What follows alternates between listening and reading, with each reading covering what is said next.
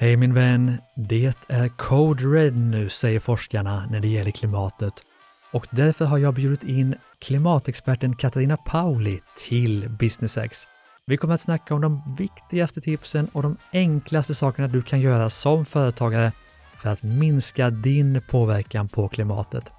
Du kommer bland annat få veta de tre viktigaste sakerna som du kan göra idag för att göra allra störst skillnad. Det här kommer bli ett poddavsnitt som gör skillnad både för världen och för dig själv och för ditt företag och för din lönsamhet och inte minst för klimatet. Mitt namn är Gustav Oskarsson. Varmt välkommen till Business Hacks.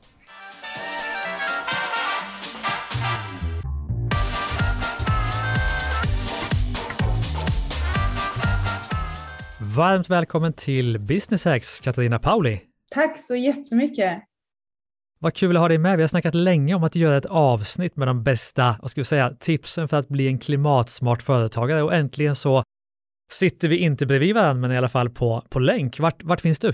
Jag finns på västkusten i Sverige ja. och det var väl på tiden att vi fick till det här för nu måste vi ju alla agera i klimatfrågan så det var hög tid att vi kan sprida lite tips på hur alla ska göra. Verkligen. Och för de som inte känner dig, varför har jag valt ut dig att snacka om det här ämnet? Det vill säga din resumé i tre, fyra, fem meningar. Jag tror du har valt ut mig för att jag är väldigt passionerad för att göra hållbara val enkelt. Eh, och jag har eh, varit väldigt aktiv inom eh, klimatfrågor i många, många år och att också jobbat med att få företag att förstå att man i framtiden måste jobba med klimat och miljöfrågor för att kunna ha en lönsam business helt enkelt och hur man kopplar ihop lönsamhet och också en omtanke om världen. Just det, och det är ju väldigt spännande om vi kan landa i lönsamhet och klimatsmart företagande. Det gillar man ju naturligtvis. Men visst är det som så Katarina att du har ju även varit engagerad i El Gores eh, klimatprojekt? Ja, men det stämmer. Jag har faktiskt varit engagerad i, deras, i hans eh, globala nätverk som heter Climate Reality Project ända sedan 2014 då jag blev medlem där. Och det är ett nätverk för klimatledare över hela världen. Eh, och där är jag också engagerad i något som heter European Business Interest Group för hur vi kan jobba mm. med klimatfrågan på Europanivå. Och det är, eh, passar ju när, vi, när jag själv driver företag inom hållbarhet och eh, jag driver ett företag som heter Nudged. Vi jobbar med beteendeförändring för, för hållbarhet. Ja men perfekt. Och nu tror jag gästerna har förstått då, eller lyssnarna har förstått varför du är rätt person att snacka klimatsmart företagande med. Så mitt mål är att vi ska få liksom verkligen hands-on-verktyg för att kunna driva klimat, mer klimatsmarta företag och också små verktyg vi kan använda i vardagen för att lätt eh, bidra till ett bättre klimat. Men då ska vi börja där. Eh, finns det enkla saker som varje företagare kan göra för att bli mer klimatsmarta? Absolut. Det finns ju eh, olika nivåer på det hela och jag tänker att det mm. första man ska göra är väl att ta sig en liten rundvandring både digitalt och fysiskt på sin egen arbetsplats och titta på så man verkligen checkar av alla, alla enkla saker som du är inne på. Har mm. man eh, ställt in skrivaren på dubbelsidig utskrift? Vad har vi för elavtal på företaget? Är det bra miljöval på det? Eh, hur tittar vi på resor, eh, transportlogistik och så vidare?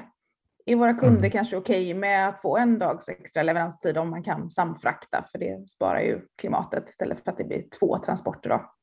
Just det. Sådana här grejer gillar jag. Alltså jag vill ha fler. Har du fler sådana?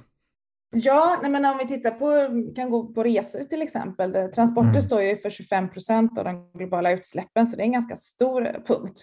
Men mm. den största punkten på den är faktiskt den personbilen, alltså våra egna privata resor.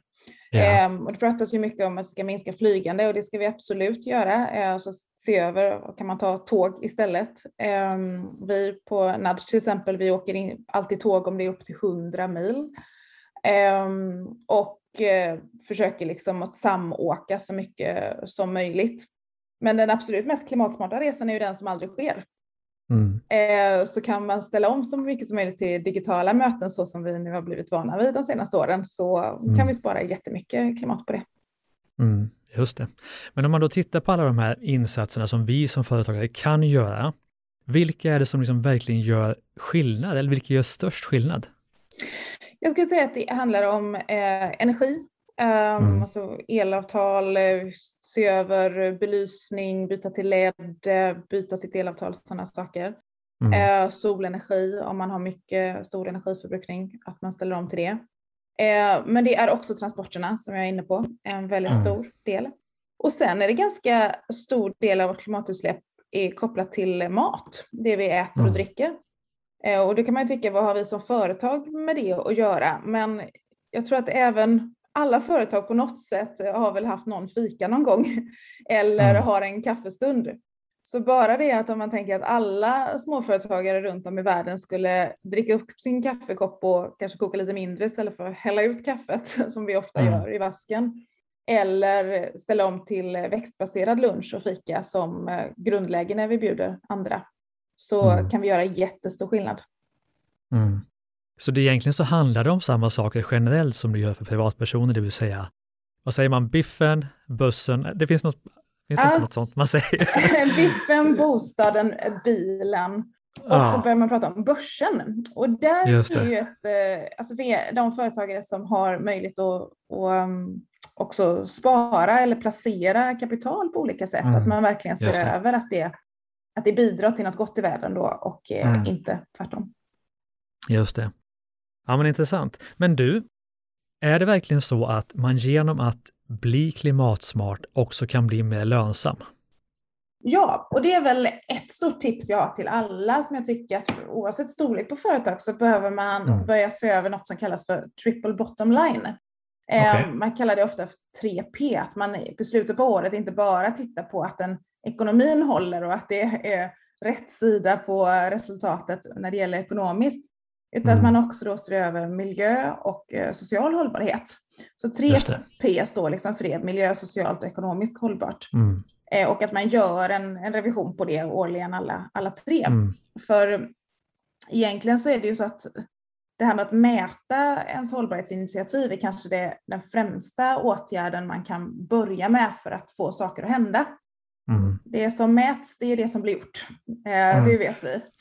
Så eh, börja med att sätta upp målsättningar och att mäta det och sen titta på också att det här ger lönsamhet på sista, sista raden. Mm. Det finns många goda exempel på hur vi på ett klimatsmart sätt faktiskt ökar eh, vår lönsamhet i våra bolag.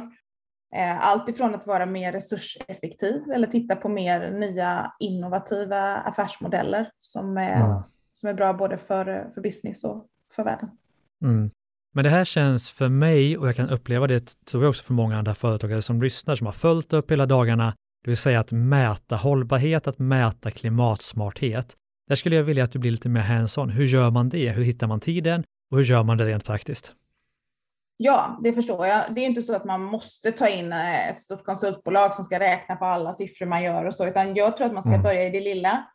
Ehm, jag tror att man ska jag tar ett A4, papper och penna, det duger gott, eller kör det på datorn om du vill det. Och så skriver du upp liksom, vad, okay, vad gör vi för det som är hållbart idag? Och så tittar man på vad har vi glapp, vad borde vi göra? Så skriver man upp mm. de målsättningar, vad man ska börja med. Så skriver vad du ska börja med, vad du ska fortsätta med och vad du ska sluta med. De tre sakerna. Det är liksom den första saken man kan göra för att få fram mm. sin hållbarhetsplan. Och sen sätta eh, målsättningar då som både är realistiska men samtidigt stretchar den lite grann så man har någonting att, att jobba mot. Mm. Lite tävlingsinriktade vill vi ju faktiskt vara för det triggar oss att faktiskt skapa förändring. Mm. Eh, så våga stretcha lite grann där.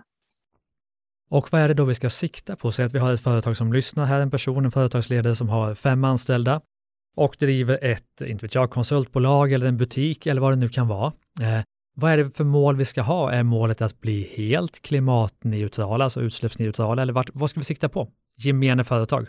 Ja, nu kan det låta ganska hårt när jag säger det, men jag tror att vi måste, alltså alla måste egentligen sikta på att inte bara bli klimatneutrala, utan faktiskt bli på minuskontot. För det är där ja. situationen ser ut i världen idag. Klimatpositiva. Ja, klimatpositiva. Att vi måste helt mm. enkelt bidra till att det blir bättre eh, och att utsläppen minskar. Men hur är det möjligt för en butik? Jag menar, man köper ju in saker, man har ju liksom, mm. Ja, du måste ju åka bil någon gång och du gör någon resa och sådär. Hur är det möjligt att bli klimatpositiv? Om vi tar en butik som exempel.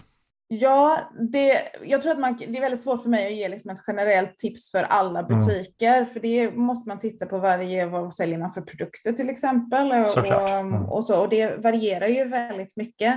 Mm. Men det handlar inte bara om det, alltså det är, måste vara möjligt. För att kan mm. vi inte ställa om nu, det, jag vet inte om ni har följt de senaste um, rapporterna som har kommit kring hållbarhet i världen och mm. det är Code Red som man pratar om. Och det betyder att vi måste agera. Mm. Och det är lätt för mig att sitta här och låta duktig, men eh, jag kämpar ju med det här i mitt företag också. Vad kan vi göra lite bättre imorgon än vad vi har gjort idag? Mm. Så vi måste börja smått, men vi måste verkligen eh, ta krafttag och inte bara tänka, nej men det här är inte för mig. Mm. Men ge mig exempel då på hur du gör själv i ditt företag. Kan du ge tre exempel på vad ni har gjort på sista tiden? Absolut. Eh, jag tror att den största påverkan som vi gör som företag, det är att vi faktiskt eh, hjälper andra. Så vi, vi jobbar med beteendeförändring och nudging mm. för hållbara val. Så att det vi gör i leverans till våra kunder är vår absolut största påverkan. Mm. Men bortsett från det? Ja, men om man tittar då rent eh, krasst så har vi dels en väldigt aktiv miljö och, och resepolicy. Vi jobbar ju helt digitalt.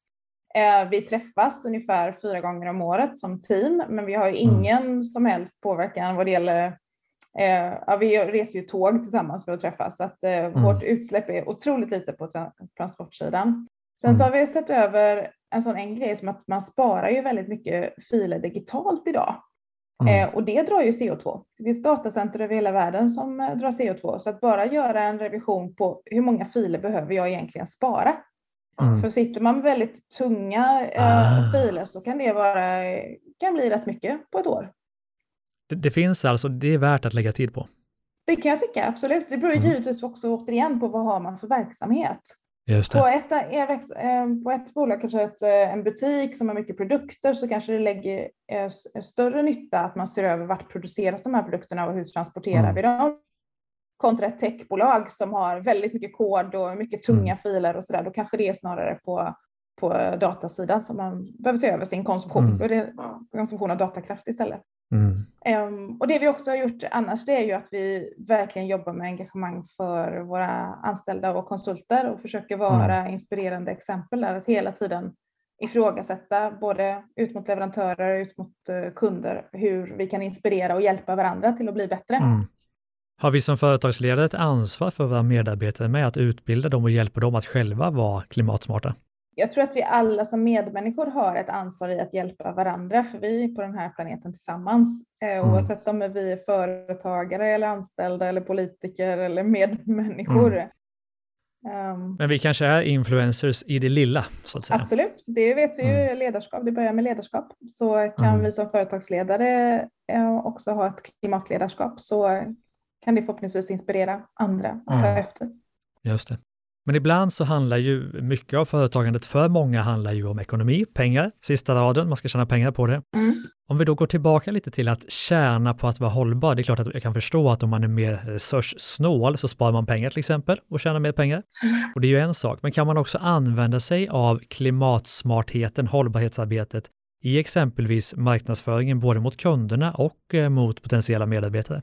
Det tycker jag absolut. Sen så får man ju passa sig så man inte hamnar i den så kallade greenwash-fällan då, att man marknadsför mm. sig som superhållbar om man inte är det. Utan man ska mm. vara ärlig och inspirerande och berätta mm. om vad man gör. Men mm. definitivt så, ju mer ni kan berätta om alla de små steg ni tar så kan ni säkert inspirera fler och jag tror också det bygger en, en trovärdighet med våra kunder och samarbetspartners. Mm. Att, man, att man försöker. För i fram, det är ju det som, eh, om vi tittar på de generationer som börjar bli kapitalstarka nu, så är det det man kräver av de företag man faktiskt köper produkter och tjänster av. Mm. Hela Greta-generationen har ju en helt annat eh, krav på oss som, som företag eh, än vad vi har behövt stå upp för tidigare. Och det, det är mm. positivt tycker jag. Kommer, kommer det vara möjligt att om tre, fem år driva företag som inte är klimatneutrala i princip? Eh, om tre till fem år tror jag det är mm. ja, tyvärr, men i framtiden, mm. om tio år, nej. Mm. Vi måste ställa om, vi har ungefär tio år på oss då till... Eh... Jag tänker mer alltså, gentemot, alltså, kopplat till kunder och medarbetare, vad kommer de säga om tre till fem år om vi inte har tagit den här matchen? Kommer de vilja jobba med oss? Nej, men det Köpa märker vi ju redan nu att eh, om, mm. redan idag så blir det allt svårare att rekrytera om man inte har mm. värderingar i de här frågorna och man inte gör någonting. Så att man kommer tappa talang och jag tror också på sikt så inte bara det utan man kommer också tappa kunder och mm. kanske till och med beroende på vilken bransch man är i få problem med sina försäkringsbolag om man inte mm. agerar tillräckligt, att man kommer bli oförsäkringsbar då. ah, intressant. Men hur ska vi göra då? Du, du kan ju mycket om det här med att, äh, beteendeförändring och så kallad nudging. Mm. Det vill säga, hur får, jag, hur får jag mig själv och mina medarbetare att verkligen ta tag i det här och inte bara lyssna på podden och gå hem och göra som vi alltid har gjort? Precis. Eh, först och främst sätta upp eh, tre saker som man kan göra direkt. Eh, mm. Och sen så handlar det om att börja sätta lite olika normer, brukar vi prata rätt mycket om. Den sociala mm. gör ju vad alla andra gör. Och mm. någon måste våga börja. Och mm. ofta så gör vi kanske mycket bra fast vi kommunicerar det inte. Tillbaka till det där du pratade om med marknadsföring. Man säger att nej, men vi, vi är ju bara 50 procent eller det är bara sju av tio hos oss som, som gör detta. Mm. Ja, men det är, ju, det är ju en majoritet. Kommunicera det så kanske de andra mm. tre hänger på.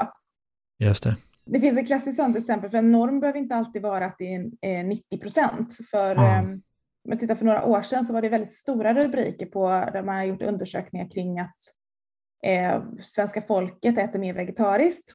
Mm. Eh, och då var, gick man ut och sa att det är 10 procent av svenska folket är vegetarianer och alla bara wow, mm. det är den nya normen. Ja, det är ju fortfarande mm. 9 av 10 som äter kött var det ju då. Mm. nu har den mm. ökat den siffran, så det, var, det här är gamla siffror jag kommer med, utan det har mm. ökat. Men det i sig lägger grundplåten för att det ska vara en, en växande trend och inspirera till att det blir mer. Just det. Men du, eh, vad har vi missat? Liksom? Är det något tips som du verkligen vill ge till, till företagare som vi inte har hunnit ta upp än så länge? Ja, jag tänker att eh, jag har ett tips, med ett mm. exempel som eh, jag pratade med ett företag kring det här med energiförbrukning. För är man ett Just litet det. företag eller stort företag för den delen så kan man bara säga, ja men det spelar väl ingen roll vad jag har för glödlampor. Det är väl den minsta problematiken mm. kan man tycka. Mm. Eh, men bara en sån enkel grej som att ställa om till LED-belysning kan faktiskt halvera energiförbrukningen på, på just de delarna. Och då fick jag ett svar från en företagare, så här, ja men det är ju jättedyrt, Tänk, ska vi, vi har liksom stora lokaler, ska vi byta till LED-belysning på alltihopa? Det kommer, de kostar ju jättemycket de här lamporna, det är inte ekonomiskt försvarbart för oss. Men då tittar man ganska kortsiktigt, för mm. just på LED så visar det sig att man kan, om man har spotlight så får man igen den investeringen på två år i och med att de drar mm. så pass mycket mindre. Eh, och då har man inte ens räknat med arbetstiden det tar för att byta lampor och göra inköp på dem varje år istället för att man kan ha en lampa som håller i flera år. Just det. Mm. Så att titta lite långsiktigt är väl mitt tips eh, mm. och inte bara vad det liksom kostar idag eh, mm. att ställa om utan titta på vad det kommer vara för effekter i, på, ja, på kanske tre till fem år istället för det närmsta året.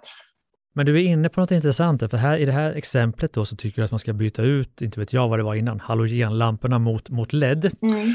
Och då byter man ju också ut något som funkar mot någon som visserligen är bättre, men som också gör att det gamla funkar fortfarande. Ta ett annat exempel, jag har en bensinbil. Och det är klart att jag förstår att jag hellre borde ha en elbil, men det kanske fortfarande är sämre att byta till elbil kopplat till att bara behålla bensinbilen så länge den funkar. Mm.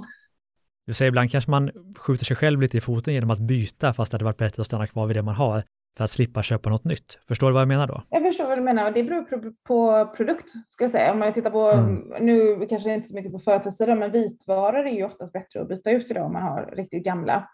Eh, och det där beror på, är det beror på bil, det beror på produkt, det beror på lampa, eh, sådana saker. Men det, det skadar mm. ju inte att försöka göra den uh, analysen. För vissa mm. saker är faktiskt bättre att byta, byta eh, mm. även om de inte är helt slutkörda. Medan andra är som du är inne på, kanske bättre att bara förbruka mm. tills det tar slut och inte köpa nytt. Just det.